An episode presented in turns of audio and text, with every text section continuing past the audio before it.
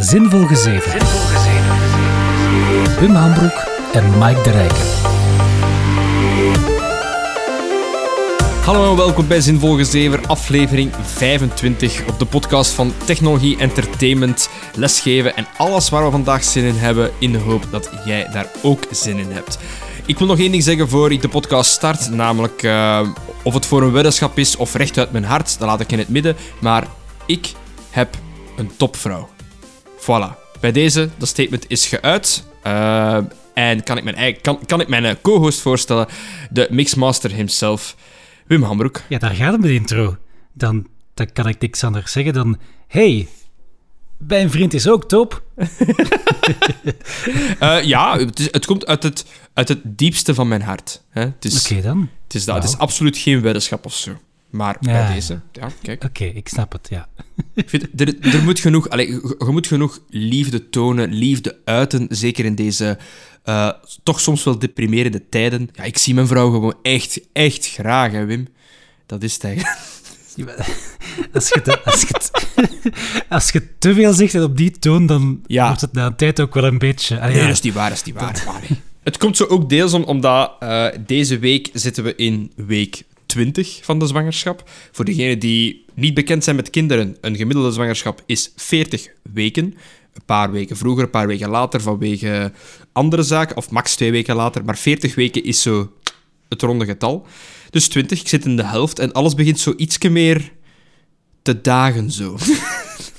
ah ja, het is voor recht. Het is, ja, ja, ja, ja, inderdaad. Maar zo, de basiszaken, die, die heb ik al beet. In de zin van, ja, ik weet dat er suikerbonen moeten komen, er een kaartje komen, zo al die standaardzaken, uw geboortelijst. Maar ik liep vanochtend naar school met mijn, met mijn uh, dochter. Ik was aan het wandelen en dan zag ik daar zo ene vader toekomen aan de schoolpoort met zo één op zijn rug ene braaf aan het meewandelen en ene dat, dat aan het sleuren was om terug naar huis te gaan. Dus ook drie kinderen.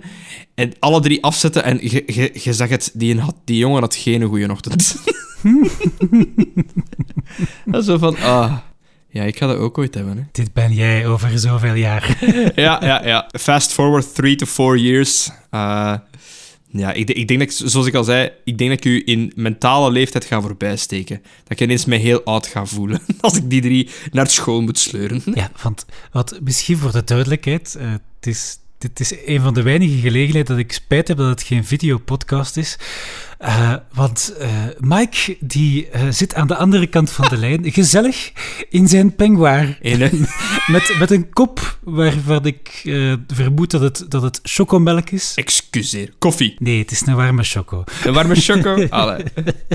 Ja, ik, ik, ik, ik, ik, ik ben een Hugh Hefner aan, aan het doen. Ja, je hebt het helemaal gezellig gemaakt daar.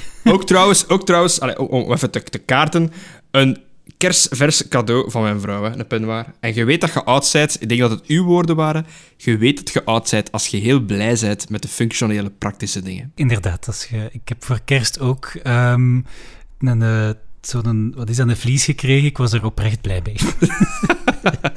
ja, de tijd is gedaan dat je een een giftcard voor bol.com kreeg of het laatste spel voor in de PlayStation, whatever. Dat, is, dat, dat, dat gebeurt niet meer. We zijn volwassenen, wij kopen dat zelf als dat uitkomt. Dus op dat gebied heb ik alles al. Dat, dat gezegd zijnde, een, een cadeaukaart voor bol.com ben ik nog altijd wel blij mee hoor, om eerlijk te zijn. Dan kun je je eigen vlies kopen. Ah nee, ik zit echt nu momenteel heel comfortabel, rustig achteruit gezakt met een koffie. Eh, uh, chocomilk, sorry. Het is dat marshmallow erbij. Je weet het wel, hè.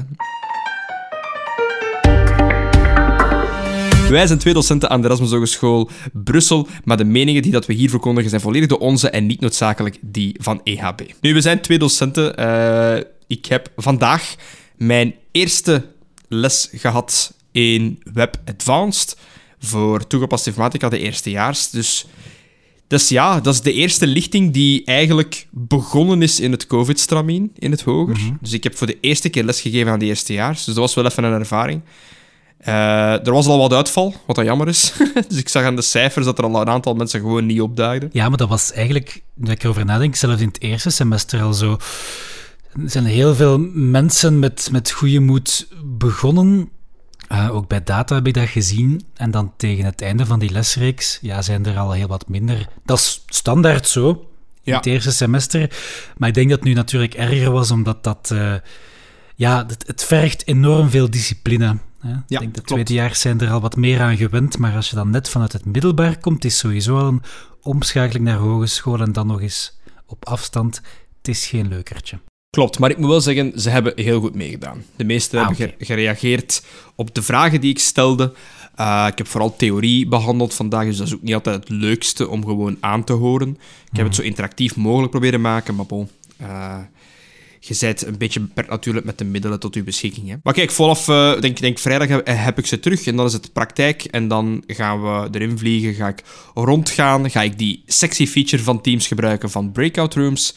En dan ga ik zo in, in elke kamer een keer binnen gaan gluren om te zien wat dat ze aan het doen zijn. Hè. wat is dat hier allemaal? ja, het is dat.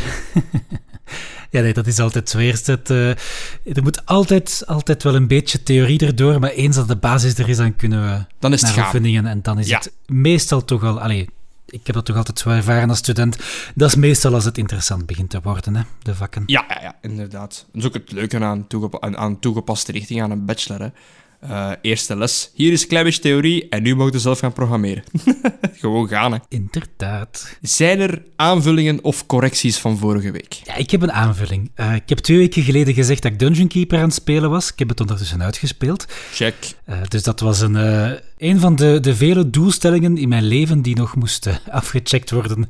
Zware spel... bucketlist dat jij hebt. Ja, ja, ja. Dat, ja, maar ja, je weet niet hoeveel dagen, weekenden ik als, ik als denk 12-jarige daaraan heb gespendeerd en altijd maar vast zat zo na een 5 à 10 levels, omdat dat spel dan heel moeilijk werd. um, ja, dat, dat, dat is natuurlijk zo, als je maar 20 levels hebt in je spel, ja, dan moet de moeilijkheidsgraad omhoog stijgen, want je wilt natuurlijk dat de mensen er ook iets aan hebben. Ja, ja, natuurlijk. In die tijd was uh, ja, meer content moeilijker en moeilijker. Hè? Ja. Inderdaad. En ik heb niet vals gespeeld trouwens, uh, voor de duidelijkheid. Je hebt uh, geen file op open gedaan met die Universal uh, Extractor, nee? Ik heb het helemaal, helemaal zelf gedaan. Proficiat, ik ben trots op jou. En ik heb, en dat sluit dan een beetje aan bij de vorige podcast, ik heb een geheime boodschap gevonden in het spel. Oh. Want we hadden het vorige week over zo dat crunch-effect, het, het, het, heel harde deadline-werk en het feit dat je eigenlijk wordt uitgemolken in de game-industrie.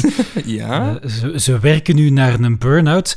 Uh, wel, er zit ergens als je een bepaalde reeks acties doet, ik zal er niet te veel op ingaan, zit er een... Uh, er zitten heel veel easter eggs in Dungeon Keeper. Ten eerste, uh, dat spel weet als het volle maan is en dan krijg je zo een, een, een geheim level te zien van die toestanden. Dus ze hebben daar heel veel geheimpjes in geprogrammeerd.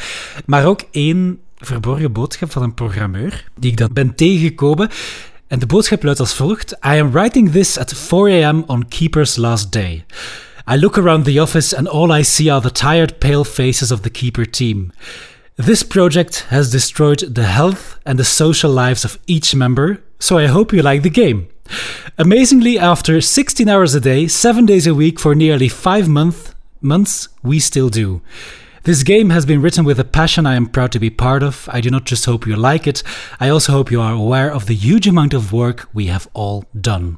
Fuck, dat is letterlijk een testimonial. Ja, inderdaad. Dat, was, uh, dat spel is uit 1997. Ja, ja. Dus je ziet, de, de tijden zijn niet echt veranderd. Wacht, hè, dus om even te samenvatten. Een 16 uur per dag, 7 dagen per week. En dat vijf maanden lang, inderdaad. Dat is, ja, dat, is, uh, dat zijn mannen die gewoon, die staan op, die gaan naar hun werk, die gaan slapen als ze gedaan hebben met Dat is, dat is het enigste. Die zien hun familie zeer weinig. Inderdaad. En ook die eerste zin, ik schrijf dit om vier uur s ochtends, uh, op de laatste dag. Dus ja, dat was... Uh, de dag dat het af moest zijn, waarschijnlijk. Waar heb je dat gevonden? Uh, ik bedoel, niet in de core dan toch, maar dan ergens in het spel zelf. Ja, inderdaad. Wel, als je um, na een tijd krijg je heel wat wezentjes en krijg je ook zo um, ja, wizards die spels kunnen onderzoeken. Die je dan op de vijand kunt gebruiken of op je eigen wezens, naar gelang wat het is. En er is één spel die heet Chicken. Dan kun je een vijand in een, in een kipje veranderen. Uiteraard. En normaal gezien, als je met die muis daar zo blijft overhangen, dan krijg je gewoon wat uitleg van wat dat is. Ja. Die spel. Maar er is ook een tempel in het spel waar dat je dingen, wezens kan in offeren en dan eventueel ja, dingen kunt unlocken.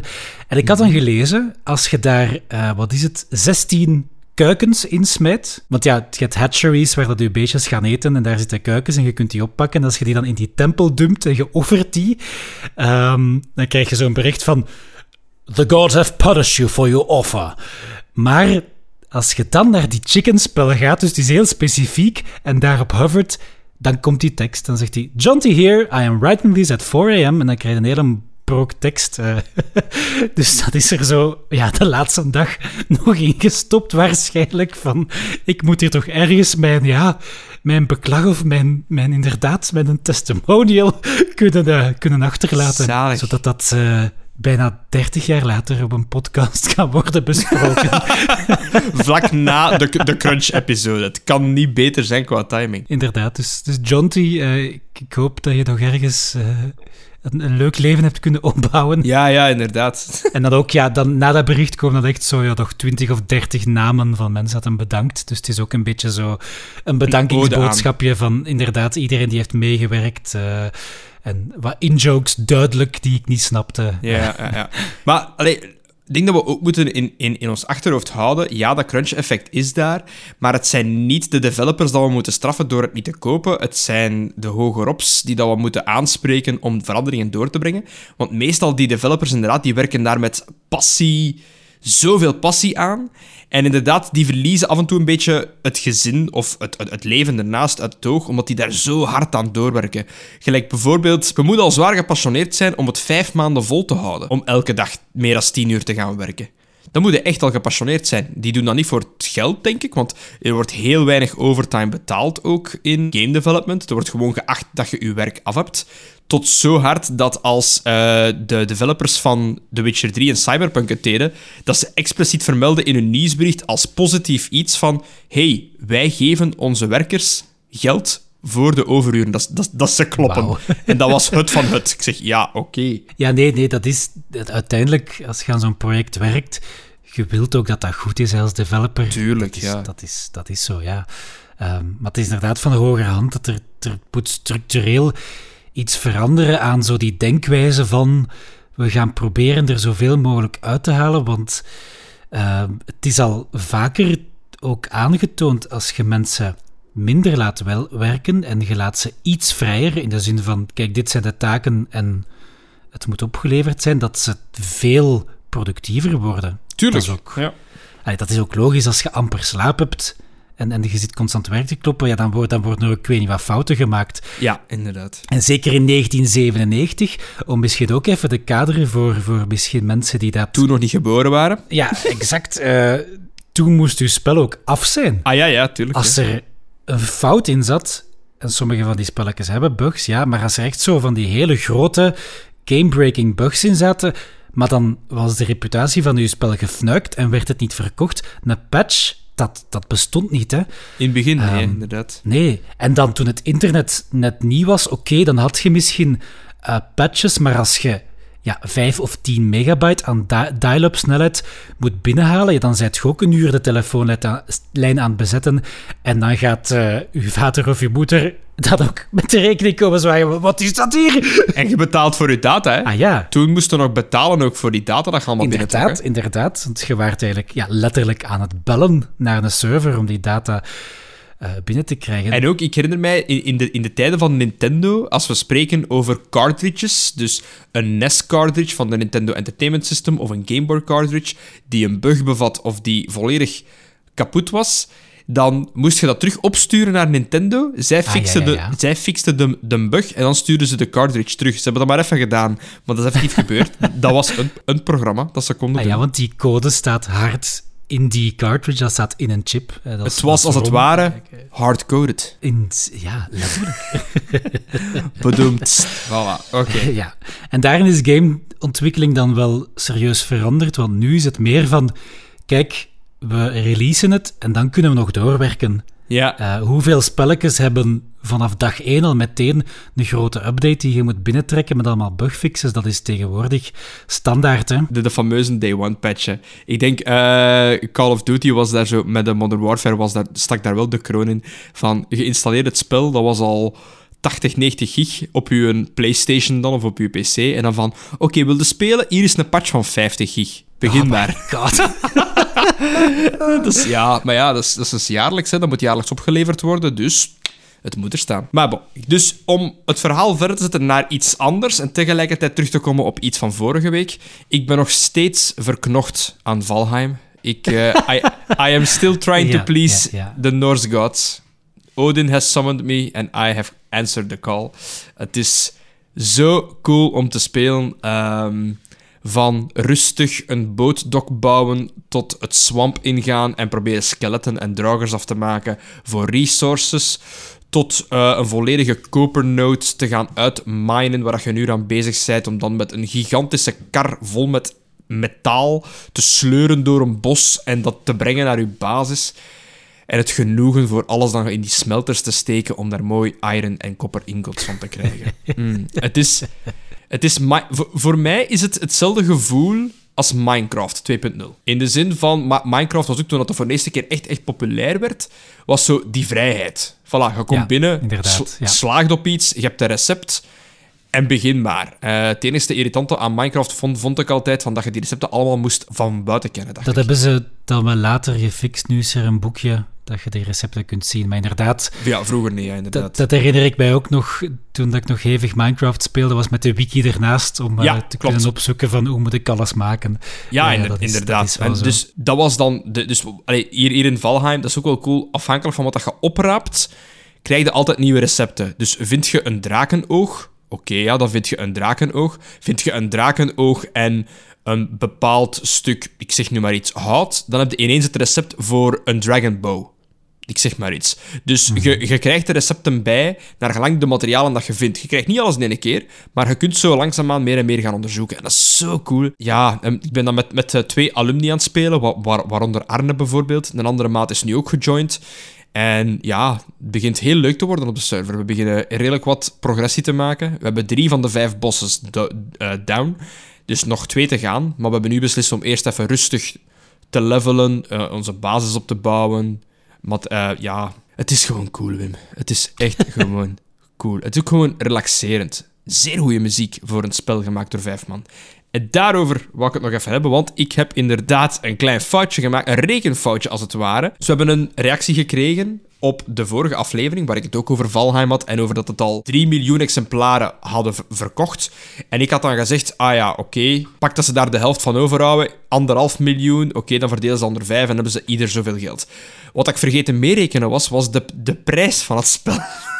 kleine, kleine rekenfout. Ja, en ik had er ook niet bij stilgestaan. zelfs niet toen ik het opnieuw beluisterde. Um, was zo, oh ja, seems legit.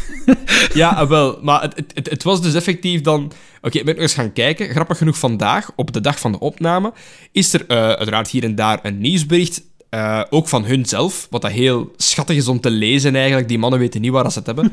dus met vijf hebben ze dan iedereen bedankt voor de 5 miljoen exemplaren die verkocht zijn. Dus van vorige podcast tot nu zijn er al 2 miljoen exemplaren meer verkocht. Ja, wat dat zeg. En hier komt de kikker. Dus 5 miljoen, ik heb er hier calculator bij. 5 miljoen exemplaren.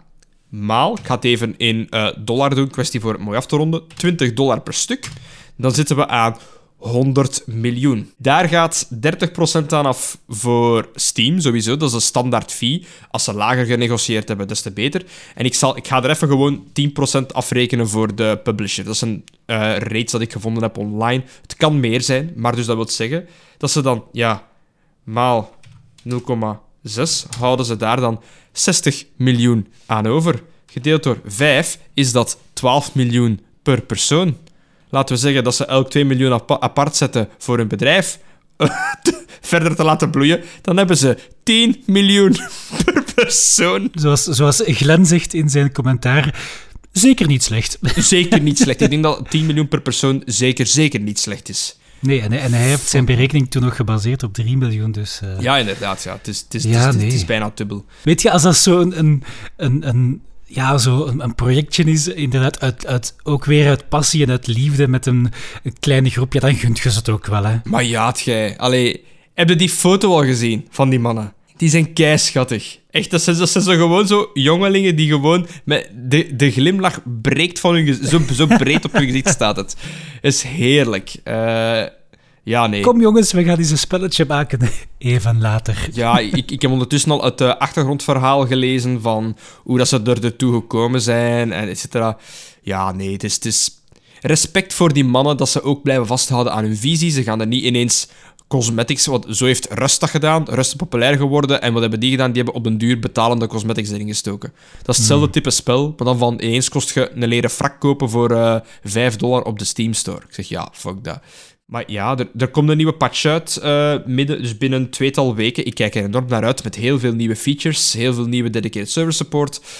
Ah, laat maar komen, die Wat handel. ik wel heel goed vond, die, die paar uurtjes dat ik heb gespeeld, dat ze het mogelijk hebben gemaakt om die een motion blur uit te zetten. Want als er één ding is dat ik niet kan hebben in spelletjes, is het motion blur. Ja, dat is precies dat je te veel gedronken hebt. Ja, of zo bloom en, en chromatic aberrations en er ook zo van Ja. die dingen. Dat is, dat is zo echt van... Kijk, we hebben een supermooi high definition 4K, zelfs 60 frames per seconde. En nu gaan we er lelijkheid in steken. Omdat dat dan realistischer is. Want als een camera draait, ja, dan wordt alles ook even wazig.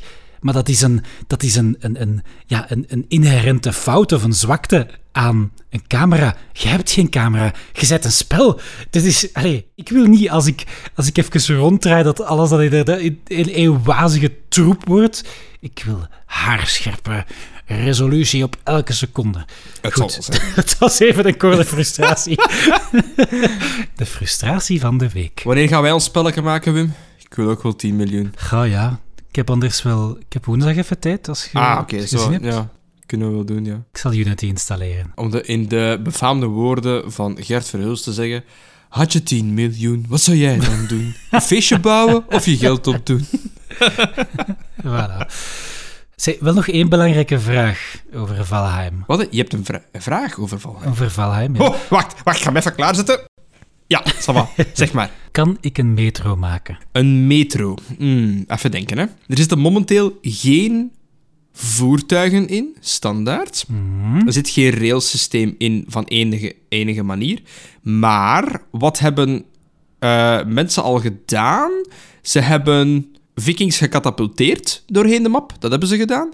En er heeft er één iemand een supergrote ramp gemaakt, waardoor dat hem dan bovenaan een boot heeft geplaatst. En die een boot laat hem daar volledig naar eh, ben- beneden schuiven. En dan oké, stuitert dat gelijk een steen dat je over water gooit. Zo. Dat is wel exact soort dingen waar ik mij volledig in kan vinden. Ja, ah, wel, ja. Voilà. Maar, dus, maar natuurlijk, dat spel is daarop niet gemaakt. Dus die moest constant, die een boot glijdt naar beneden. eh, voor de volle 10 seconden, super lang.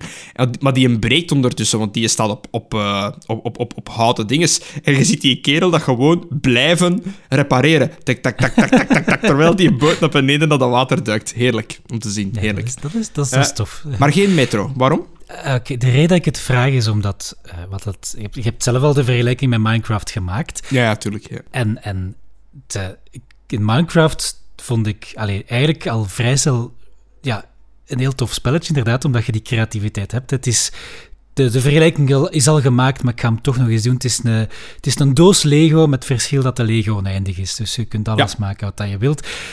Ehm, maar hetgeen dat mij echt, en dat is hetgeen dat mij heeft, heeft het, het heel lang doen spelen, is die redstone, waarmee dat je dingen kon automatiseren. En dat En Ah, dat vond ik zalig. Inderdaad, het aantal automatische eh, deuren en schachten en dingen dat ik heb gemaakt. En heb ik ook eens inderdaad een hele wereld waar dat ik een metro had gebouwd tussen de verschillende steden, die dan volledig geautomatiseerd eh, met die redstone eh werkte.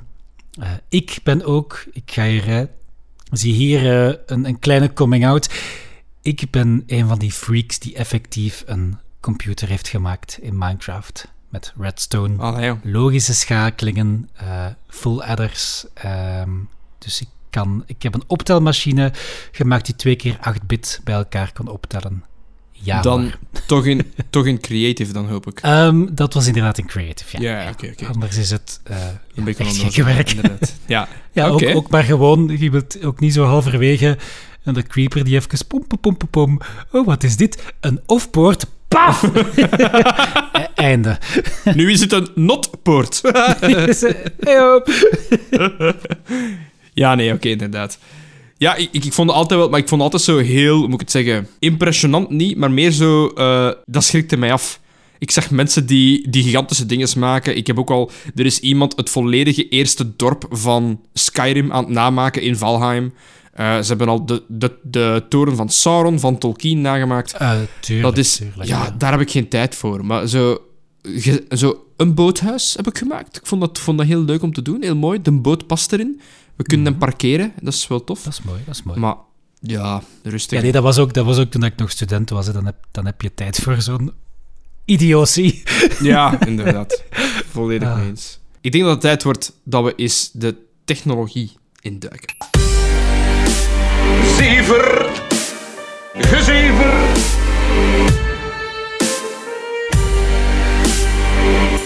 Technologie. Er is mij iets opgevallen eh, deze week. Kings of Leon gaat deze vrijdag een nieuw album uitbrengen. Oké. Eh, dat, dat is niet meteen het nieuws waar ik van wakker lig. Ehm, ja, Kings of Leon, dat is zo de, de, de groep met, die, met dat liedje. Oh, Sex on Fire, eh, oké. sex is on fire. Pew, pew, pew. Pew, Zoiets, hè? Ja. Dat was, een, dat was eigenlijk eh, heel goed nagedaan. Die van mij was een verwijzing naar die, misschien die twee mensen die de Mighty Bush nog gaan kennen. Dat terzijde.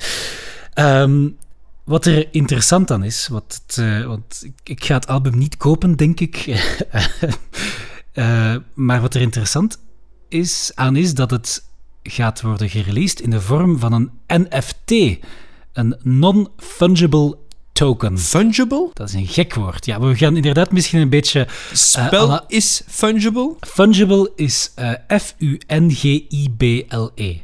Eh, het heeft niks te maken met, eh, met fungus of zo. Ja, ik je zeggen.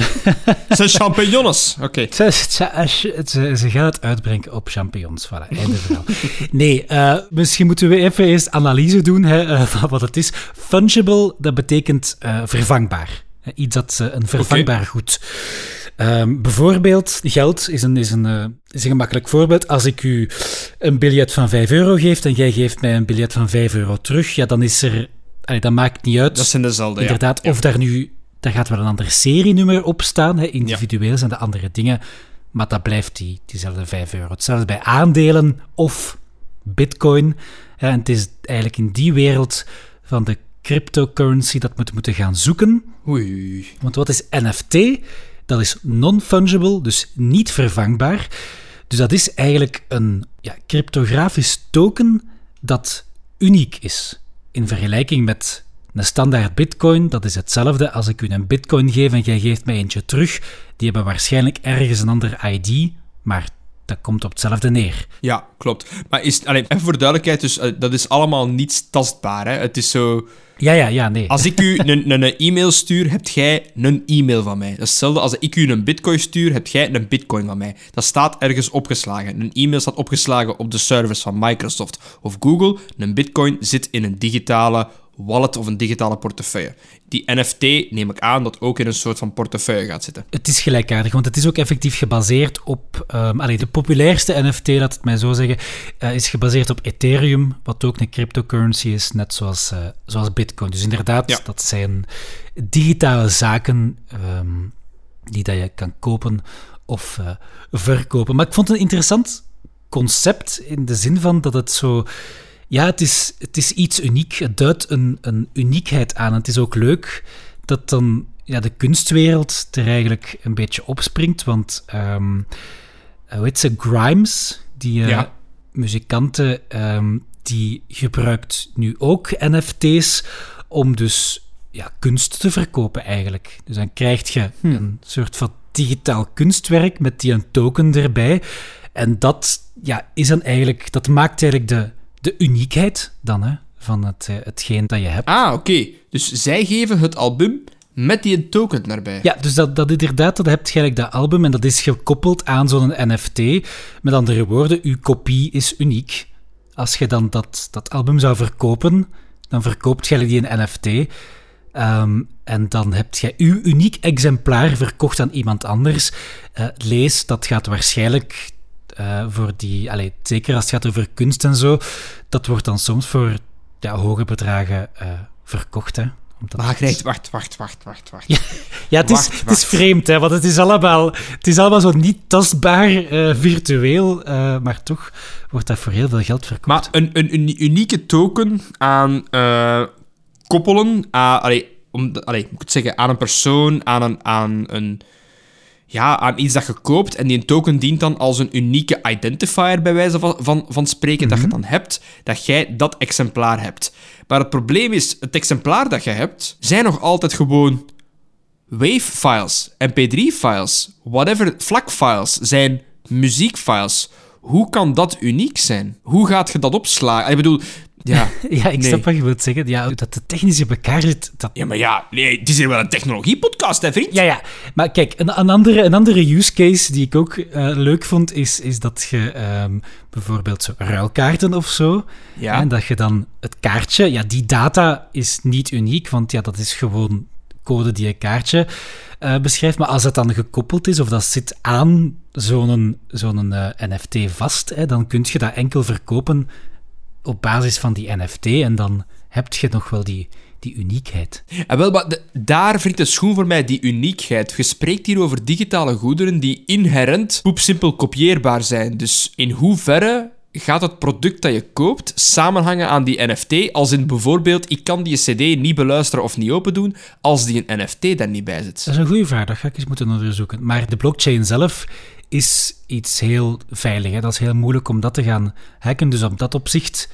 Allee, het, is, het is alsof je eigenlijk, denk ik... Allee, zo stel ik het mij voor. Het is alsof je, als je nu een pakweg een beroemde Picasso koopt, dan krijg je daar een, een bewijs van echtheid bij. Een certificaat, een contract, klopt. Inderdaad. En dat is eigenlijk hetgeen dat de waarde van het schilderij maakt. Ja, akkoord, maar niemand kan dat schilderij... Ah ja, oké, wacht, nee, nee, nee. Oké, de analogie hier is dat er natuurlijk keiveel namaakschilderijen zijn die er exact hetzelfde uitzien. Inderdaad, maar als ik dat bewijs niet heb, dan kan ik wel beweren dat dat eh, een originele Picasso is, maar dan ben ik er niks mee. Gaan wij nu effectief naar een tijd waar digitale goederen gelimiteerd gaan zijn? Ja, het is ook een soort van virtuele vorm van schaarste, waardoor dat mensen er eh, waarde aan hechten natuurlijk. Hè. Zo gaat dat. Hogere prijzen, ja, het is dat van... We gaan maar 10.000 albums verkopen. Jongen, het is letterlijk copy-paste. Wat, wat, allee, nee. Dat zou ook, allee, om dan specifiek op dat Kings of Leon ding, het zou ook gekoppeld zijn aan ehm, dat je dan zo voor de rest van je leven eh, op de eerste rij van concerten mocht gaan zitten of staan of zo. Eh, Zo'n dingen van die toestanden. Dus als je dan dat token hebt, dat je kunt zeggen van kijk, ik ben een superfan, dus ik mag van voor staan. Ja. Wat dat dan ook nog extra waard maakt, waarschijnlijk als je het dan doorverkoopt aan andere superfans die van voor willen staan enzovoort enzovoort enzovoort. Ja, dit, dit, dit ruikt naar gewoon meer geld verdienen. Dat, allee, dat heeft volgens mij niks te maken met de authentic, eh, auth- authenticity of the creator's work, so we can safeguard the real work that goes into making these works of art. Eh, dat is volgens mij dan eens gewoon een manier om meer geld te verdienen. Daar gaat mijn, mijn positieve, lichtjes naïeve visie op de wereld is weer al gekelderd. nee, ja, tuurlijk, die kant zal er en is er ook, eh, ook zeker. Aan de andere kant kun je ook CryptoKitties kopen. En is dat niet, is dat niet leuk dan? Eh. You had me at pussy. Oké, zeg maar. Baaf!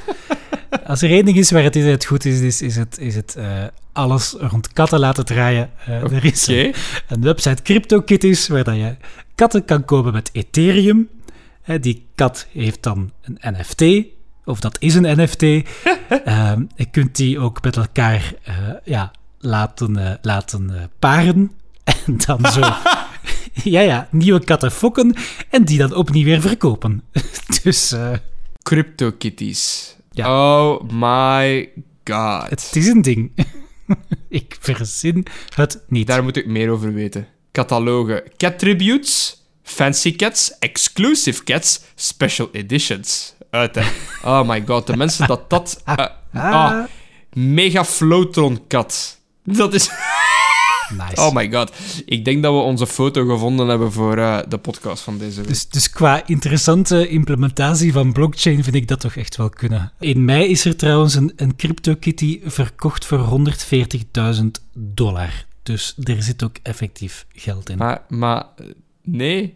Nee. Maar het- ja, nee, ik weet het. Het is niks. Nee. Ik weet het. Het is... Het is je hebt niks. En ik je ben het verkoopt niks, maar toch... naar Sir Miauzelat. en het is een exclusieve kitten. Ik ben aan het kijken hoe ik hem kan, kan kopen, maar ik weet niet hoe. ik, ik ben aan het zoeken. Want er zijn maar 20 edities van Sir Meow Slot. En dan ga ik gaan Ah, kijken. kijk. Ja, ja, ja. Dat is allemaal met een andere achtergrond en een ietsje andere shader-techniek erop. Zo creëert je uniekheid. Buy voor 100 Ethereum. Ah, slechts 100. Hoeveel staat een Ethereum tegenwoordig? Nee, nee, nee, nee. nee. Oké, nee. For sale. Oké, sorry. Ja, nee. 6 euro voor een cartoonkat. 6, 6, 6 tot 8 dollar. Ik ben er gewoon even de lijst aan doen van de, van de katten die nu te koop staan. Het zijn wel allemaal echt lelijke katten. Ik wil niks zeggen. Maar eh, het is allemaal voor 0,005 Ethereum. Dus momenteel de huidige waarde rond de 8 dollar. Ah, sort by price. Wil ik het doen? Wat, wat is het duurste, de duurste crypto-kat die we kunnen aankopen? Dat is voor een miljoen en zo. Volgens mij is dat gewoon een witwaspraktijk. Kom, laten we eerlijk zijn. Ja, oké. We hebben nieuwe vooruitgang in crypto. Ik lees er ook om, om Kings of Leon af te sluiten. Het is het eerste album eh, waarin dat ze elkander niet op hun muil geslagen hebben. Blijkbaar vecht, vechten die elk album in de studio tot vuisten in het rond toe. Maar fijn. En dit is het eerste album. En het, eh, het eh, argument is: onze lichamen werken minder goed dan voorheen. Dus er wordt niet meer gemapt. Jezus. Ja, voilà, bij, bij deze. Om, om dan toch af Dat te is echt sluiten. zo... eh, ja, voor lads. Hè? Ja, Eh, inderdaad. Ja. Waarschijnlijk ook zo binnenstrompelend in de studio met, met al twee Guinnessen binnen en nog een derde in de hand. En dan zo... Die komt binnen. mates, uh, record a fucking album. Wow, sex is out. Dude, that was like five al- albums ago. It's like, oh yeah, right. What, what, the, f- what the fuck you saying to me, mate? Ja, oké. Hi, mate. Ai, ai, ai. Bon, van Kings of Leon, NFT's en cryptocurrencies kunnen we het naar een andere technologie trekken. Namelijk, ik ga het iets luchtiger eh, houden. Eh, er is een nieuwe TikTok-variant. Aha, en ik, ik heb de oude zelfs nog niet geïnstalleerd. Oké. Ik ook, maar ja, maar dat is voor zelfde dingen. Eh, maar blijkbaar, allee, ik weet niet waarom dat een TikTok-variant genoemd wordt, maar Fast Laughs is enkel voor iOS-devices. En het is allemaal grappige, korte clips van series die op Netflix zijn. Ah, het is dus van Netflix. Oké, oké, oké. Dus en zij gaan, dat, dat komt van Big, Big Mouth, stand-up specials, van Seinfeld. En je kunt dat afspelen rechtstreeks in de Netflix-app. Dus voor iedereen die een Netflix-app heeft op een iOS-toestel, ik heb het op mijn iPad, dus ik ga straks een keer kijken, eh kunt je er eh, doorscrollen en is er nu een tapje Fast Laughs, snelle lachen. En dan is het bij wijze van spreken gewoon, ja, scrollen. En dan zie je zo altijd van die heel funny bits dat iemand uitknipt, maar ik weet niet wie dat die curate. Maar dat is een nieuwe, ja... eh, het is een logische marketingmove van Netflix, gezien de groei en eh, de aanwezigheid van TikTok. Ja, en ook gezien dat zo'n dingen ook effectief gebeuren op YouTube. Hè. Ehm, dat, dat, is toch iets dat ik vaak doe onder mijn vrienden. Als je zo wilt reageren en dat je een grappige uitspraak uit een reeks doorstuurt. En heel vaak, als je dat dan googelt, is, is er iemand wel op YouTube die zo net, net die vijf seconden heeft geüpload. Bepaalde scènes, hè. Ja, ja, dus dat is daar slim op ingespeeld. Ja, ah, maar om, om, om daarop in te gaan, daar is nog heel... eh, daar komt een hele coole feature aan van... eh, hoe moet ik het zeggen? Van YouTube. En dat, zijn, dat is clips. Dus mensen gaan clips kunnen nemen van bestaande YouTube-video's en gaan dat kunnen delen op sociale media in een mum van tijd. Met de mogelijkheid dat als je daarop klikt op die clips, ga je de YouTube-app open doen en enkel die clip of die soundbite openzetten. Bijvoorbeeld als ik uw opmerking van de allereerste aflevering over hoe geil dat je mijn hardware wel vindt, wil klippen, dat zijn 10, 15 seconden of zo, die opmerking, kan ik dat doorgeven, verspreiden op sociale media, en als mensen willen, ze vinden dat grappig, kunnen ze gewoon klikken en zeggen play from beginning of continue episode. Dus qua dis- discoverability is dat wel iets heel goed voor ja, YouTube ja, ja, oké. dat is wel goed dat het dan ook teruglinkt naar het, het Ja, de, origineel. de, de, de clip zelf wordt afgespeeld in een YouTube-app, of alleszins een slimmed-down YouTube-app. Dus die gaat dan ook... eh, je gaat zelfs geen moeite. Want dat is natuurlijk het grootste probleem. Hè? Mensen zien iets grappig en dan zo van... Kijk verder, klik hier om naar YouTube te gaan. Dat, dat, dat is dan een stap verder. Je moet een nieuwe app open doen. Maar wat als die clips in YouTube getoond worden en je moet niks doen, en als de clip afloopt, wacht die twee seconden en dan begint hij gewoon verder te gaan met dat filmpje. En als iemand het aangenaam vindt, ja, ja. blijft hij luisteren of kijken. Nu, dat gezegd zijnde, ik hoef echt geen eh internet-meme of eh, virale clip te worden, hoor. Ah, ik vind van wel. Als jullie... Als je het clipt, clip het van Mike. Dank u. Ja, dank u wel. Graag gedaan. er zijn wel uitspraken over de huidige 24 afleveringen dat we wel kunnen in een eh, compilatie gieten van onnozele uitspraken. Ja, inderdaad. Allee, ja, het is goed. Eentje dan. Eentje dan. Pak misschien het minst, het minst domme wat ik ooit heb gezegd en clip dat dan. like en subscribe. Mm, mm, mm. Ah, voilà. Geen commentaar. ga ik blijven gebruiken. Van de ene sociale media, wat YouTube toch op een duur ook wel wat is, eh, naar andere sociale media. Twitter gaat een strike system eh, gaan, eh, een, een, heel publieke strike system gaan implementeren voor alles wat misleidende informatie is over COVID-19. Ik vermoed dat er op dit moment heel wat right-wing nuts momenteel gaan geband worden op Twitter. Die zitten ondertussen toch allemaal op andere extreemrechtse platformen die ik zelfs niet bij naam ga vernoemen. Ah, maar die, die is nog altijd geband, hè. Die, die ene grote... Ik, Parler, denk ik dat het was. Die is nog Ja, altijd maar- geband, hè. Dus... Ah ja, omdat ze zich eh, weigerden aan, de, aan, de, eh, aan te passen aan de regels. Maar ja, en ook gewoon hate speech, hè. Laten we eerlijk zijn. Ja, maar het is zo, ze hebben, ze hebben ze El Capone gewijs gepakt op zo techniciteiten. hè. Ah ja, tuurlijk. Ja, ja. maar dus Twitter zijn nieuw strike-systeem. Ik had het ge- gezien in eh, Colbert, in The, The Late Show, en dan ben ik het gaan opzoeken. Dus een five-strike system. Elke keer als je iets, zeg maar, als je iets misleidend tweet over COVID, dus straight-up leugens, dan krijg je een strike. Strike 1 is geen gevolg. Strike 2, drie- eh, 24 uur eh, suspension. Dus kwestie dat je gewoon even niet meer kunt tweeten. Strike 3, 12 uur, 7 dagen. En de laatste, de vijfde strike, is eh, permanent ban. En het wordt gewoon, ook gewoon op je account gezet. Dus ik vind dat goed. Ik vind dat e- echt, echt goed. In de zin van dat mensen moeten stoppen met andere mensen schrik aan te jagen over die vaccins. Weer al, we hebben het al eens aangeraden. Ga luisteren naar de Nerdland special over vaccins als je twijfelt. Die mannen leggen dat heel objectief en heel duidelijk uit waarom vaccins belangrijk zijn, waarom ze niet gevaarlijk moeten geacht worden, of toch niet in de zin van dat je ervan kunt doodvallen, bij wijze van spreken. Eh, al die info zit daarin. Ga daar naar luisteren. Ik kan het niet, lang, eh, niet hard genoeg benadrukken. Of zoals Lieve Scheren het zegt, ja, maar gaat mijn flieter er dan afvallen? Nee, uw flieter gaat er niet afvallen. Dat, is, dat is voor iedereen belangrijk. Die, dat die flieters Dat is- dat. Belangrijke informatie, ja. Dat is toch het eerste wat ik vraag aan mijn huisdokter. Inderdaad. Ik heb het hier. Eén strike is niks, twee is 12 uur, drie is 12 uur, vier is 7 dagen. Dus ja, sommige mensen, als ze zeven dagen niet kunnen tweeten, die gaan gewoon dood. Die vallen gewoon neer. Die hebben geen... They have no purpose in life. Is gedaan. Acknowledge my existence. Ja, het is dat. En vijf is permanent suspension. Dan is het gedaan en uit met uw sociale media carrière. De vraag is dan wie beslist, hè? wie is zo de, de moraalridder dan in dit verhaal? Ja, ik vermoed dat die daar bots over hebben, hè.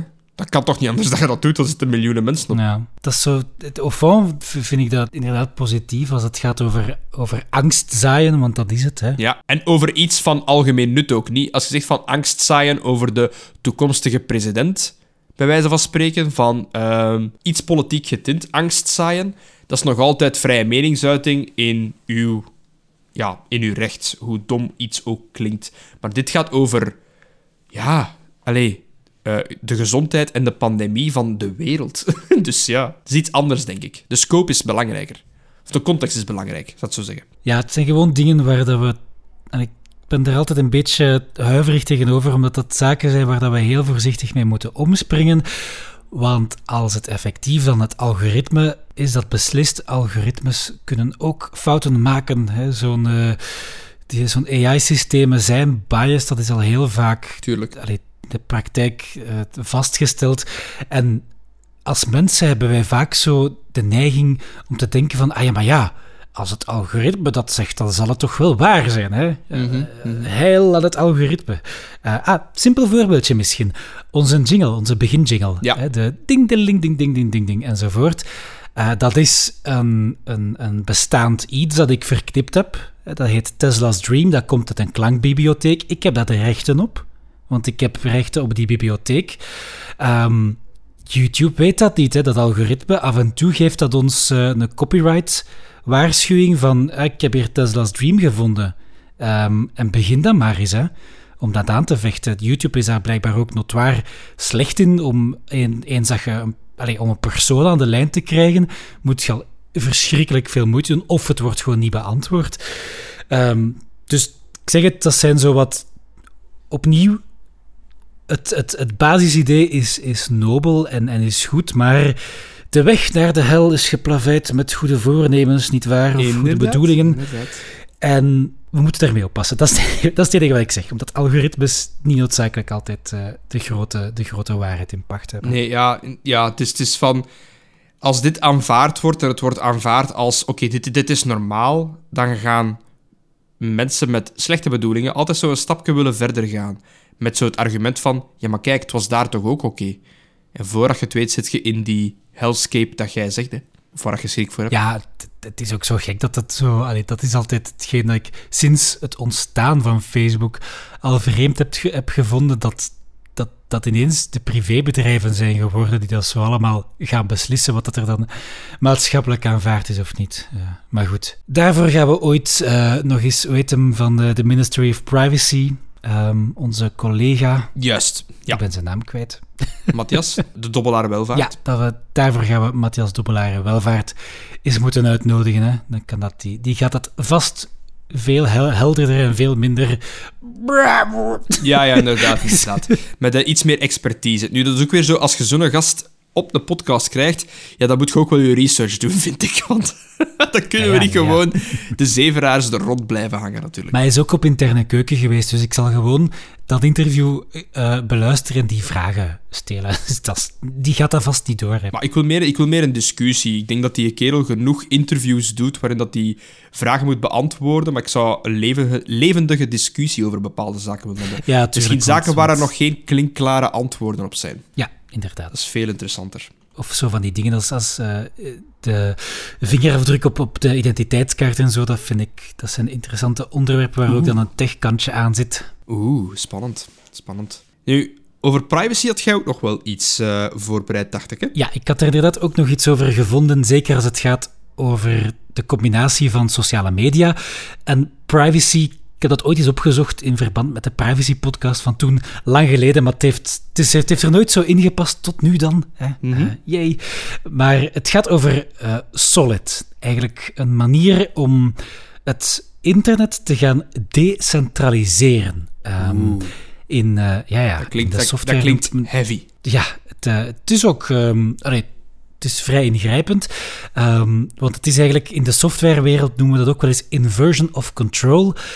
Ehm, niet technisch uitgelegd komt het erop neer dat nu, als jij aanmeldt bij ehm, bijvoorbeeld een Facebook, Mhm. dan geeft je daar data aan en al die data staat bij hun. Hè. Eh, als je dan op een ander sociaal net- netwerk aanmeldt, dan gaat je die ook data geven. Die data wordt dan vaak doorverkocht, je weet niet wat ermee gebeurt. Eh deze en ginder. Solid zegt, hè, het, het idee erachter is van, kijk, we draaien het om. De data, mijn privéinformatie, die beheer ik zelf in wat dat zij een pod noemen. Ja. Dus je kunt een, eh, een pod aanmaken waar dat je je eh, informatie insteekt. Hè, zeg maar iets, je voornaam, achternaam, e-mail, eh, om even heel basis te gaan, misschien ook uw adres. Als je dan aanmeldt op een sociaal netwerk, dan kan jij eigenlijk zelf kiezen welke informatie uit die pod toegankelijk is, mag uitgelezen worden eh, en welke niet. En zo heb je eigenlijk heel sterke controle over welke informatie wie mag zien, allee, wie dat welke informatie wel of niet ehm, mag zien. Dat, heeft dat, ook, dat is dan ook geëncrypteerd met zo public en private keys, dus dat is allemaal eh, gebaseerd op bestaande ehm, ja, veiligheids... allee, encryptie-algoritmes die bestaan Mhm. en die hun nut hebben bewezen. En wat ik dan specifiek interessant vind aan die Solid is ook van... Het is eh, de persoon die erachter zit, of een van de personen die erachter zit, is Tim Berners-Lee. En die kennen we, of die zouden we toch allemaal moeten kennen, want dat is gewoon de mens die mee het internet heeft uitgevonden. Hè. Ah ja, meneer internet zelf. Ja, dus meneer internet zelf, die ook zelfs letterlijk, denk ik, de afkorting WWW heeft uitgevonden. Amai. Eh, iets waarover hij later zijn spijt heeft betuigd, omdat dat nogal onhandig uit te spreken is, www.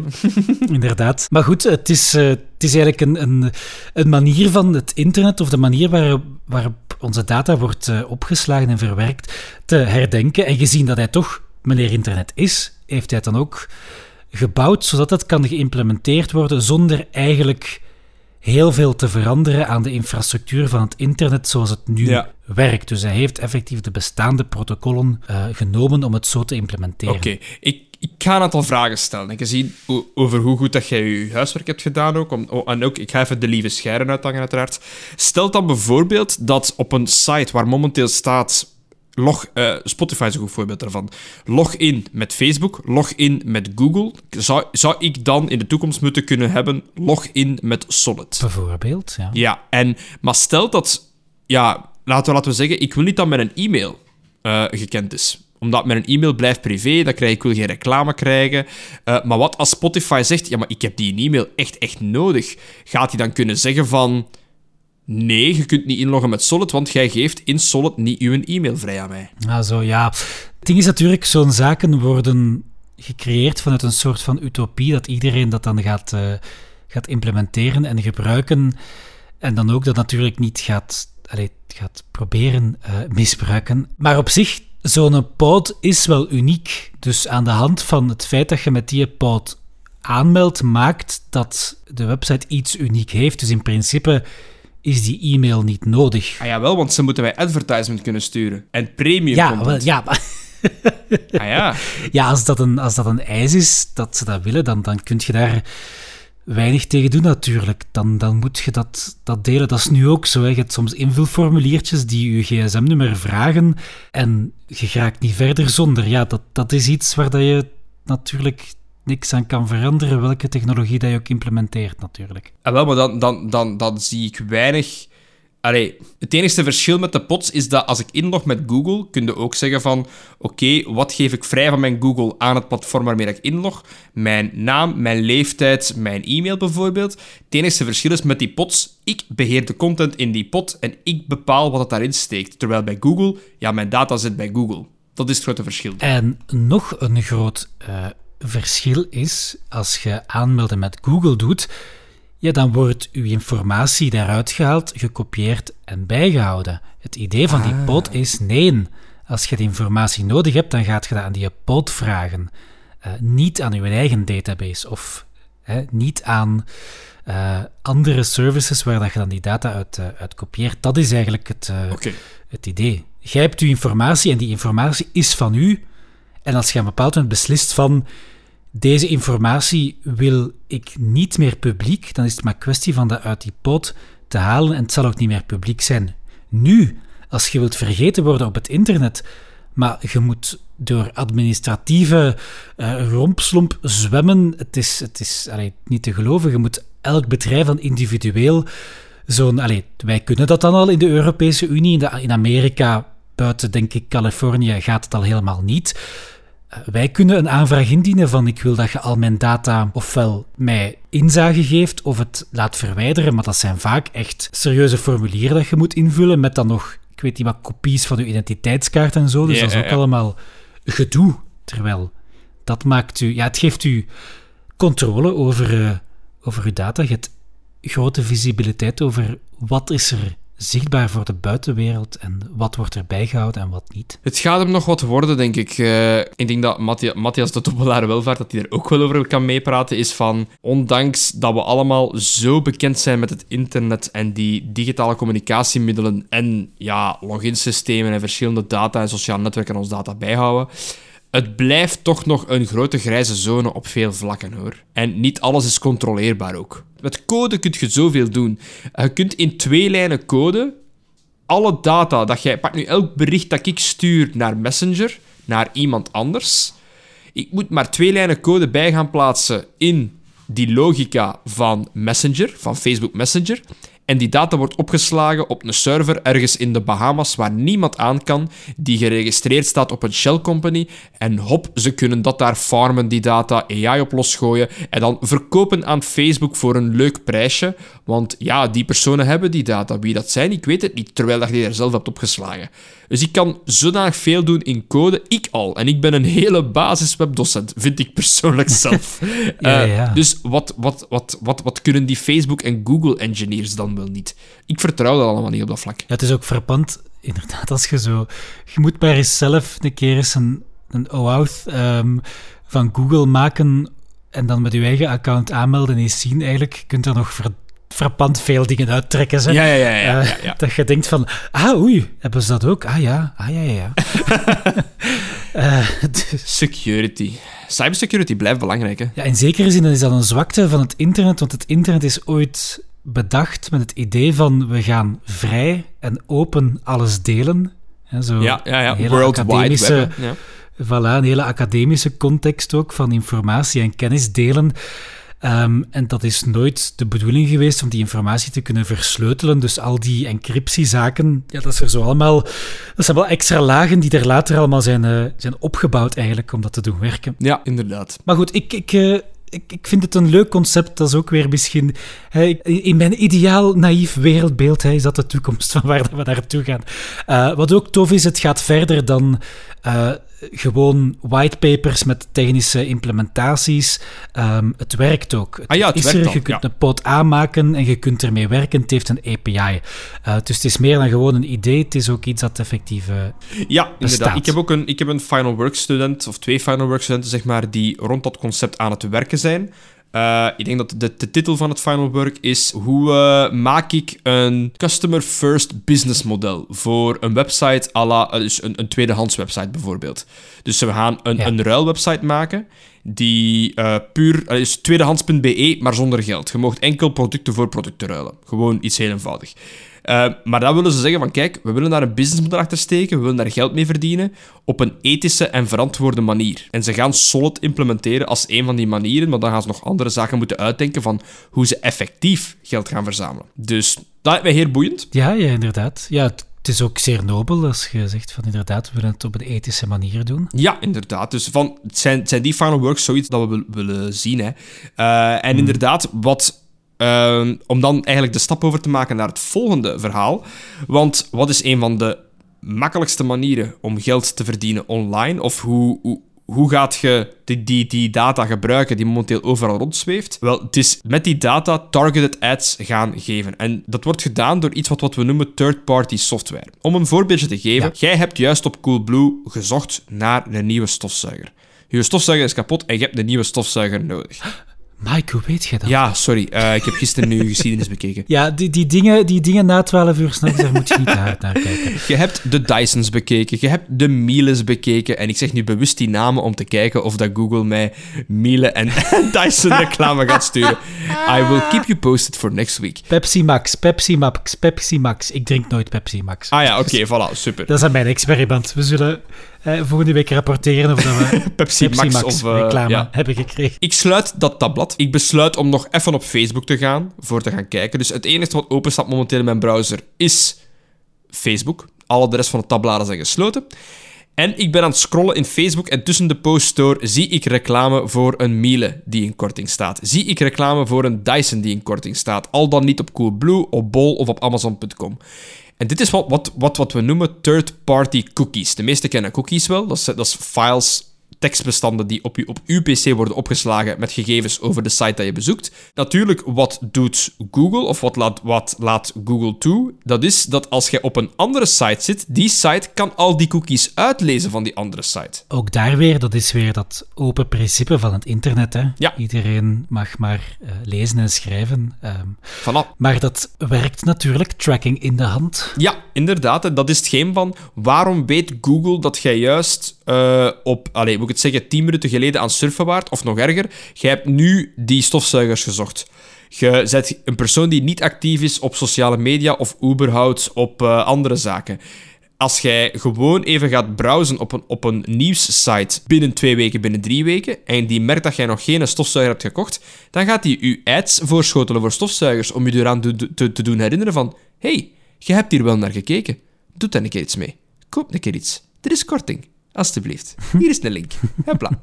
Dus ja, Google gaat die zaken afschaffen. Zijn de third-party tracking en cookies. Eh, eh, Safari en Firefox waren er al mee bezig, dus daar is dan minder. Vandaar dat ook eh, ik ben begin dit schooljaar ben ik overgestapt van, van Chrome naar Firefox als mijn primary browser. Dat heeft even werk gekost, maar ik beklaag het mij niet. Het is efficiënter als Chrome. eh, en het is... eh, er zijn betere plugins voor u, voor u, voor uw privacy te safeguarden. En algemeen doet Firefox een iets betere... eh, Ja, inderdaad. Dat zo zeggen. Nu, ik heb wel gehoord, Mike, dat Firefox een boomer-browser is. Eh, Een, een boomer browser, oké. Ja, dat ze maar doen. ik zeg dat omdat ik zelf ben overgeschakeld van Firefox. Van Firefox. Eh, dus- Na- naar dus- waar dan? Ja, van Firefox naar eh, Brave. Ja, maar ja... Ja, nee. Dat is dan weer te. Snapte? Omdat... De reden waarom... Ja, ik, ik ben webdocent, dus ik moet ook een beetje rekening houden met welke browsers gebruiken de, gebruikt de gemiddelde gebruiker het meest. En Firefox en Chrome liggen relatief dicht tegen elkaar. Brave daarentegen... Nu, het is, eh, het is Chromium gebaseerd. Hè? Ja, dus het, het, ja. het gebruikt de Chrome kernel eh, met dan de Brave-laag erover. Maar dat is, die zijn echt heel hard op... eh, ja, Security, hè. net zoals Firefox, hè, het zijn USP, sinds dat meer en meer bekend werd dat Google al uw data opzuigt en verkoopt en daar van alles mee doet, is, het, eh, is Firefox mee, veel harder gaan inzetten op privacy. En Brave gaat er nog een stapje verder in en die blokkeert ook standaard zo effectief van die third-party cookies, ehm, om dan echt zo die privacy ja, centraal te zetten eigenlijk. Hè. Ja. Eh, want misschien ook even duiden, zo'n third-party cookie, je hebt het sneller mee dan dat je denkt hoor. Ja. Ehm, als er ergens een website is die iets van Google implementeert, ehm, bijvoorbeeld eh, Analytics, hè, Google Ads of Google Analytics, dat zijn de twee populairen, eh, dan gaan ze al tracking cookies plaatsen en ook gaan uitlezen. Hè. En wijs mij een middelgrote website aan die het niet heeft. Eh, het is moeilijk hoor, om het te gaan zoeken. Dat is een van de dingen die je bijna het eerste doet voordat je website live zit. Zit van, ah ja, zet er Google Analytics op, dan kunnen we zien hoeveel mensen dat er wat bekijken en zo. Dat is super handig. Mhm. Maar dat is de, ja, dat is de ruil dan natuurlijk. Hè. Je ruilt altijd data voor de services die je krijgt. Ja, want die weten dan ook wie dat bezoekt. Hè? Dus eh, zij geven u die data, maar ja, Google heeft automatisch ook die data. Inderdaad. Wie op welk moment, hoe lang, welke pagina, waar komt hij vandaan, waar gaat hij naartoe, wat heeft hij in de vorige week opgezocht, enzovoort, enzovoort, enzovoort. Ja, wat is de reden waarom, dat, waarom dat, dat, dat hem naar die site gaat? Kunnen wij dat ook implementeren voor onze producten? Hopla, voilà. Basic logic. Ja, ik weet het, eh, en, en ik weet dat Brave goed werkt, want ik heb onlangs eh, Teams proberen openen online, eh, wegens redenen die, waar ik nu niet over ga uitweiden. Ehm, en het, het zat zo in een, ja, het, het, zat zo in een redirect loop, want eh, Microsoft, als die je wilt authenticeren, je moet daar maar eens op, op, check, op, eh, op letten, die, die sturen je zo vijf keer om via, ik weet niet, wat authenticatieservers.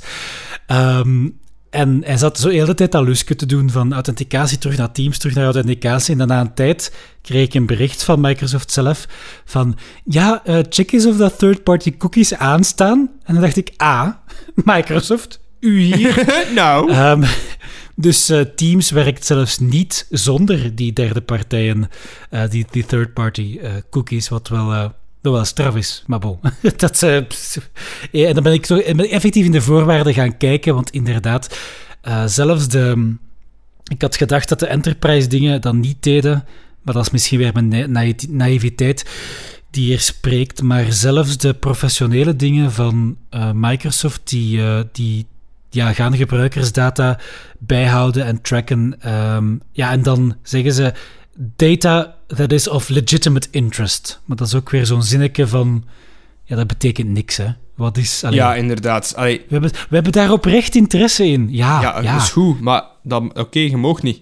ja, voilà. Ik heb ook op, oprecht interesse in... in eh, ja, ik, vind- ik vind dat heel erg voor die, voor die enterprise apps, want ja, je betaalt er een fucking licentie voor. Ja, wel inderdaad. Dus, dus ze verdienen eraan geld aan. Ehm, en, en over het verkopen van de data waren ze relatief vaag, maar het kwam erop neer dat sommige dingen effectief, ja, dat wordt dan wel gezegd, geanonimiseerd, ook ja, aan sommige derde partijen werden gedeeld. Ehm, ja, zoals gezegd, het is, het is een business toepassing, dus je krijgt al geld, dus allee, ja, je moet dan niet nog extra zitten daarop proberen te, binnen te rijven. Weet je, de wereld is om zeep, Wim. De wereld is echt gewoon om zeep. Er gebeuren rare dingen. Maar ja, maar dat is zo van... Je, verliest het vertrouwen, hè. Van... ehm, en ik weet dat mensen... Dat, daar is een heel discussie over te voeren en, en, en eh, zoveel gaten in te prikken van... Ja, maar het maakt niet uit als ze me trekken. Het is handig dat ik word herinnerd dat ik terug die stofzuiger ga, ga kopen. Ja, dat is, ik heb dat ook al vaak gezegd, hè, dat is allemaal handig tot het misgaat. Ah ja, het is dat. Voilà. Tot als die data in verkeerde handen valt en het tegen u gebruikt wordt. Totdat het niet meer acceptabel is om bepaalde overtuigingen of geaardheden te hebben. En Ja. dan zit je zwaar in de problemen. Hoezo, jij wilt een Miele buiten? Zo mensen willen wij niet in dit land. Trouwens, misschien nog een anekdote. Ehm, een, een, eh, een vriend van mij heeft dat onlangs doorgestuurd. Eh, hij had een, eh, een overschrijving gedaan met Payconic, hè, waarmee dat je elkaar gemakkelijk kunt betalen. Hij had een mail gekregen van Payconic, die, die, die transactie was niet doorgegaan, hij had een mail gekregen dat er toch een verdachte transactie Ah was gebeurd. En ze vroegen hem verheldering, want in de commentaar had hij geschreven: is een boef. Hè, dus, want ze hadden blijkbaar, hij en zijn lief hadden besteld bij een Syriër. Ah ja, oké. En hij had dan zijn lief terugbetaald via Payconic. Dus Siri is een boef van, ja, Syrisch eten. Ja, oké, ja, ja, ja. Maar ja, een boef is natuurlijk ook een crimineel. En eh, ja, iedereen weet natuurlijk, Mike, dat alle criminelen uit Syrië Uiteraard, komen. als er staat Syrische Eh. boef, dan is het van ja, dat is een vrijheidsstrijder. Hè. Het zal wel zijn. Eh, dus effectief heeft hij een mail gekregen van, ja, kunt je even verklaren wat dat betekende? En dan kunnen we die transactie vrijgeven. Heerlijk. om maar te zeggen van, kijk, dat is nu iets vrij klein, maar ik vind dat toch al sterk dat is wel creepy, dat ze ja. daar verdorie over u komen lastigvallen. Want denk dan maar eens verder van, ja, ik ga met diezelfde mens ook soms in Brussel, allee, ging, zwart, Ja. niet COVID, Ja, eh, we gaan ja, ervan uit, ging ik ook vaak eten bij een Syriër, omdat we het daar heel lekker vonden. Dus ja, Ik denk dat jij getrekt wordt door de staat. Ah, ja, lap. oh nee, ik, ik ben er gewoon gaan eten. Ik, ik, heb, ik heb niet de val van de westerse democratie proberen plotten. Ik, ik, ben, ik ben wel fan van de westerse democratie. ik woon daar graag. Ik woon daar graag. Maar ik, ik heb dat ook al. Ik, ik vind dat, dat is een kerel naar, naar mijn hart, want ik doe dat ook altijd. Als we samenleggen voor een moederdag cadeau, allee, samen met mijn zus bijvoorbeeld, of voor vader, allee, of, of van die dingen. eh, of ik, ik, ik, ik schrijf haar iets over voor kinderkleedjes of zo, bij wijze van spreken. Dan zet ik er ook altijd bij. eh, alcohol en harddrugs, of zoiets in die genre. Of bedankt voor de wiet. Ik zet dat altijd daarin. En dan stuurt zij mij terug. Graag gedaan, geniet ervan. Niet alle lijntjes in één keer. En dan... dan hadden we gewoon om te zien van als er ooit iemand komt binnenvallen. Hè. Maar dan heb ik hem toch bij zijn pietjes. Hè. Ik zeg, kom, hier, Tommeriken. Ik zou daar nu misschien toch maar mee beginnen oppassen. Nee, P, gewoon gaan. ze, Gewoon ze gaan. lezen mee, dat is duidelijk. Eh, moest mijn zus luisteren, ik heb niet alle lijntjes in één keer gedaan. Het was één voor één, eentje elke avond. En eh, ja, het was wel gezellig. Het was echt goed spul. Ik probeer ook altijd iets origineel in de, in de omschrijvingen te zetten, maar ik probeer het wel. Ik, probeer, ik, allez, ik, ik ga wel niet eh, zo controversieel. We spreken, we spreken over eh, ehm, deze week in Zinvol Gezever Syrische cocaïne en andere zaken. ik vind dat dat de titel moet worden. Syrische cocaïne. Allee, huppa. En dan, en, en dan een dag later de mail van YouTube. Ja, Ja. zou u toch even die titel kunnen verklaren, want we hebben toch wat vragen. Ja, het is dat. Dat- maar misschien is dat goed, want als dat de, hele geheime dienst daarnaar gaat luisteren, hebben we superveel views. Ja, dus, plays, al- dus al- dan- al- als jullie luisteren, eh, ik zou zeggen, begin vanaf aflevering 10, tegen dan waren we echt goed ingerold. En dan kun je eigenlijk mee gaan luisteren. Hè. Ehm, er is ook een let's play van Ja, ja, ja. Siberia op eh, YouTube, die ik dringend moet afwerken. Maar bon, allee, er is genoeg content, hè, jongens, luistert maar gerust. En als je de geheime boodschap wilt, elke 33ste minuut het tweede woord omgekeerd, dan eh, daar zit het. Dat is de boodschap. Dat is het, hè. Ja, Dat is het geheime plan. inderdaad. Voilà. Dan hebben die mensen ook iets te doen. Hè. Ah, heerlijk. Ik blijf erbij. Het, wordt alsmaar lastiger en complexer om je online te begeven zonder dat je eigenlijk met je blootgat naar de grote bedrijven staat te, te verpinken. Dus ja, wees waakzaam, zou ik gewoon zeggen. Weet wat je aan het doen zet als je je ergens voor inschrijft. En ga niet in elk stom formuliertje van elke stomme site je volledige huisadres, persoonlijke e-mail en uw gsm-nummer plaatsen. Alsjeblieft. Ja, voilà. Het is daar gewoon een beetje bewuster mee omgaan. Dat is het eigenlijk. Hè. Ja. Ook, allee, het, het, het zijn ook soms simpele dingen. Van als ze vragen van, mag ik uw coo- cookies bijhouden? Gewoon even op meer info, niet akkoord. En Voilà. ze houden alleen maar de basisdingen bij. Het zijn maar twee klikken extra uiteindelijk. Hè. Ja, en sommige dingen, dat vind ik ook smerig. hè. Sommige van die pop-ups doen er echt om om je zo lang mogelijk aan het lijntje te houden. Of de knop met accept all, maar anders verwoord, ietsje feller te laten blinken en de andere heel kleiner. Ah, zo fucked up. Maar de, de Europese Unie heeft een, eh, er was een abonnement op de, op de privacywetgeving.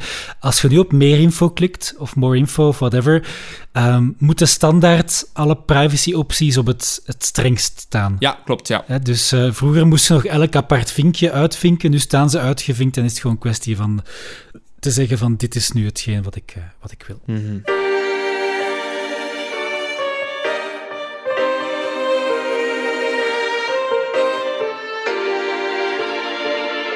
Zinvol.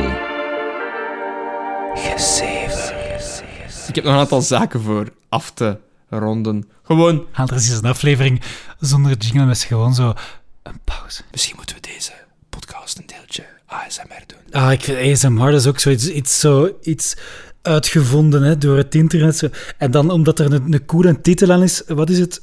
Autosensoric Memory Response of whatever, dan is het zo ineens een ding. Dat is, zo van, ja, dat is gewoon een tof geluid. Ja. Nergens op gebaseerd. Maar weet je dus dat dat een volledige sectie is op Twitch? al? Ja, dat is niet te doen. Dat is absurd. Dat is gewoon absurd.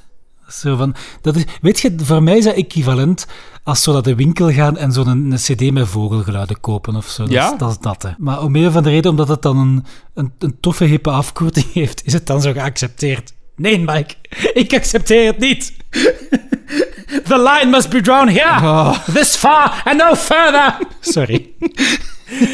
Oké, ja, oké, ik wil ook even, even wel kakken op ASMR anders. Eh, maar dus het, het, noemt, het noemt Autonomous Sensory Meridian Response. Response, Is een ja, bepaalde inderdaad. gevoelssensatie gekenmerkt door een getinteld gevoel dat begint op het achterhoofd en zich uitstrekt langs de nek en de rug. Ja, dat is zo, als je zo...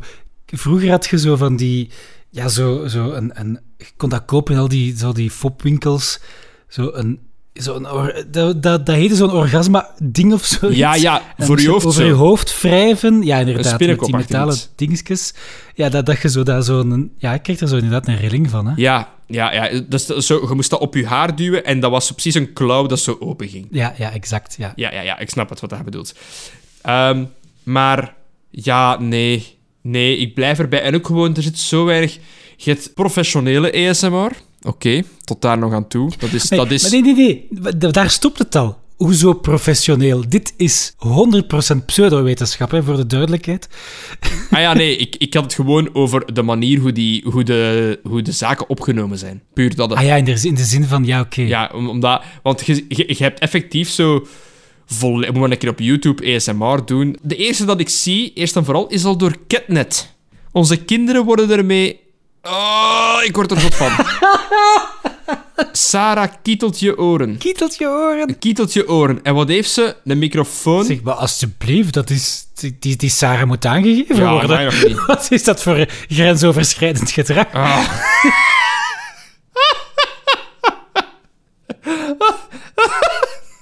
Oké, ja, oké. Dat is goed. Dat is een goeie. Maar dus, ja, allee, bedoel, ik, ik snap dat, dat, dat die mee op de hype springen. hè. 76.000 weergaven, eh, oké, ik snap het. Maar de thumbnail alleen al zegt... ze heeft een... eh, een plumeau vast voor het stof af te doen. Ze staat voor een Rode NT1, dus een podcastmicrofoon, waar ze dat ongetwijfeld gaat overwrijven. En eh, dat, dat is al trouwens een, een, een dynamische microfoon, hè? dus dat is ook al geen... daar word ik al zot van. Hè? Elke persoon die een, een microfoon mon- monteert in een shockmount op een arm, pijst dat hem een eh, professional is. Hè? Maar je moet wel een goede microfoon kiezen. Oh, daar word ik al zo pisnijdig van. Hè? En dan heeft ze ook een stukje niet gekookte pasta, zo van die tagliatelle, als zo'n bolletje. Ik vermoed dat ze dat ook ergens...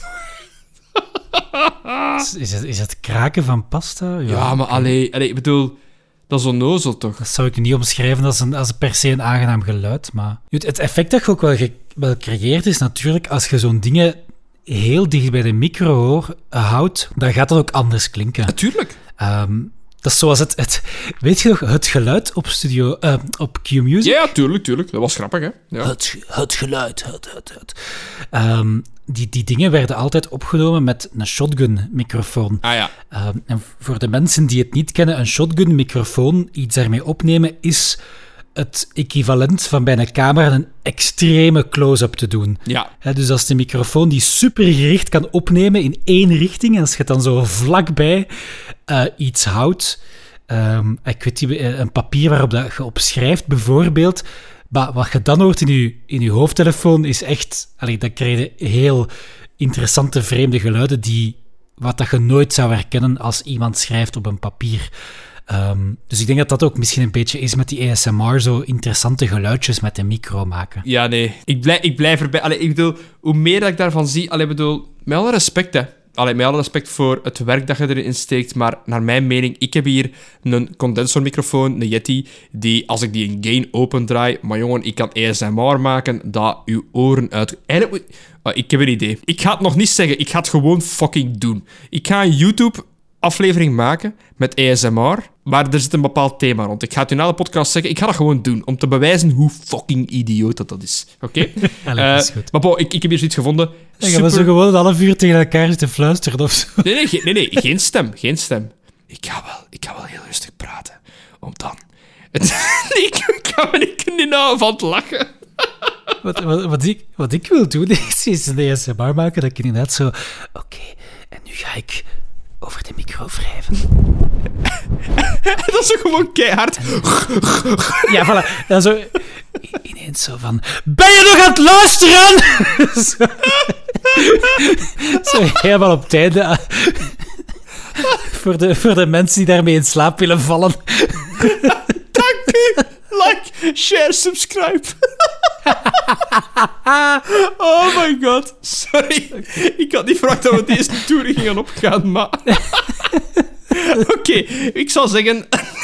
Laat me iets weten als je de, Ja. de zinvol gezever ASMR-sessie wilt horen en wij zullen iets ineensteken. Dat is op Dus, ah, maar ja, het is goed. geen centje. Privé, via bericht, eh, via YouTube. Oh my god. Ik, ik word al... Ik, ik, ik lig echt plat met het idee dat ik heb in mijn kop. Ik ga het u straks zeggen. Hoe debiel het is, maar het kan aanslaan. Het Oké, oké. Eh, Oh. alles... eh, weet je wat? Eh, ik, zal, ik zal ik eens het woord content zeggen. Alle content is goed, maar... Alle content is goed. Alvast weer al bedankt om te luisteren naar echt deze... Echt, het was echt gezever. Maar we hebben het ook wel over privacy. Gehad. Dus het was deels zinvol, deels gezever. We hebben onze naam waargemaakt eh, Voilà. van de podcast. Wim, alvast bedankt om mee in dit konijnengat weer te springen. Ik had niet verwacht dat we daarin gingen geraken, maar bon. Dus eh, ja, zoals steeds eh, was het een plezier. Het is een plezier om weer te zijn. Goed.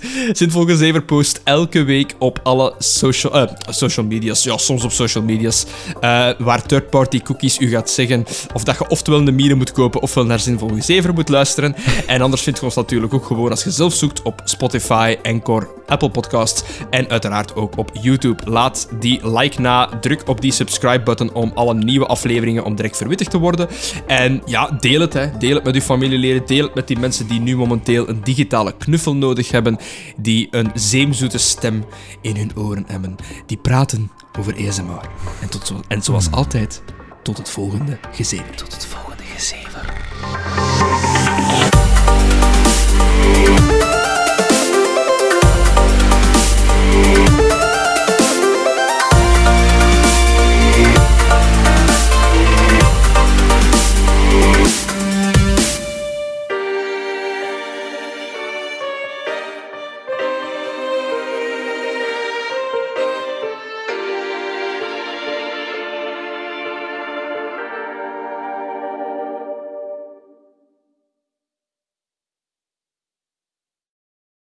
Voor we beginnen, ik denk er net aan.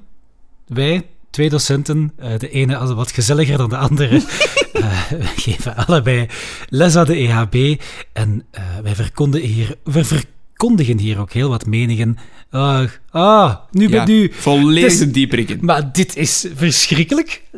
Normaal, normaal moet ik u altijd. Ja, dus dat, weet je, ik, ik zal het gewoon overleven. Wij zijn twee docenten aan de Erasmus Hogeschool Brussel, maar de meningen die dat we hier verkondigen zijn volledig de onze en niet noodzakelijk die van EHB. Voilà. Ja, maar ja, nu gaat dat in de montage komen omdat we het hebben, eh, omdat we het hebben herdaan. Hè? Nee, niks in de montage. We laten nu een flater erin staan. Mijn flater staat, sta- staat er ook in van vorige keer, dus... Staat hem erin? Ja, ja het zou wel zijn. dacht- Had ik hem... Ik, nee, ik heb hem toch mooi weg... Of heb ik hem bij de bloopers gezet? Nu weet ik het zelf Dat kan ook, dat kan ook. Maakt mij niet uit. We gaan door. Dat- Dit is ik- quality ik weet- content. Ja, quality content, maar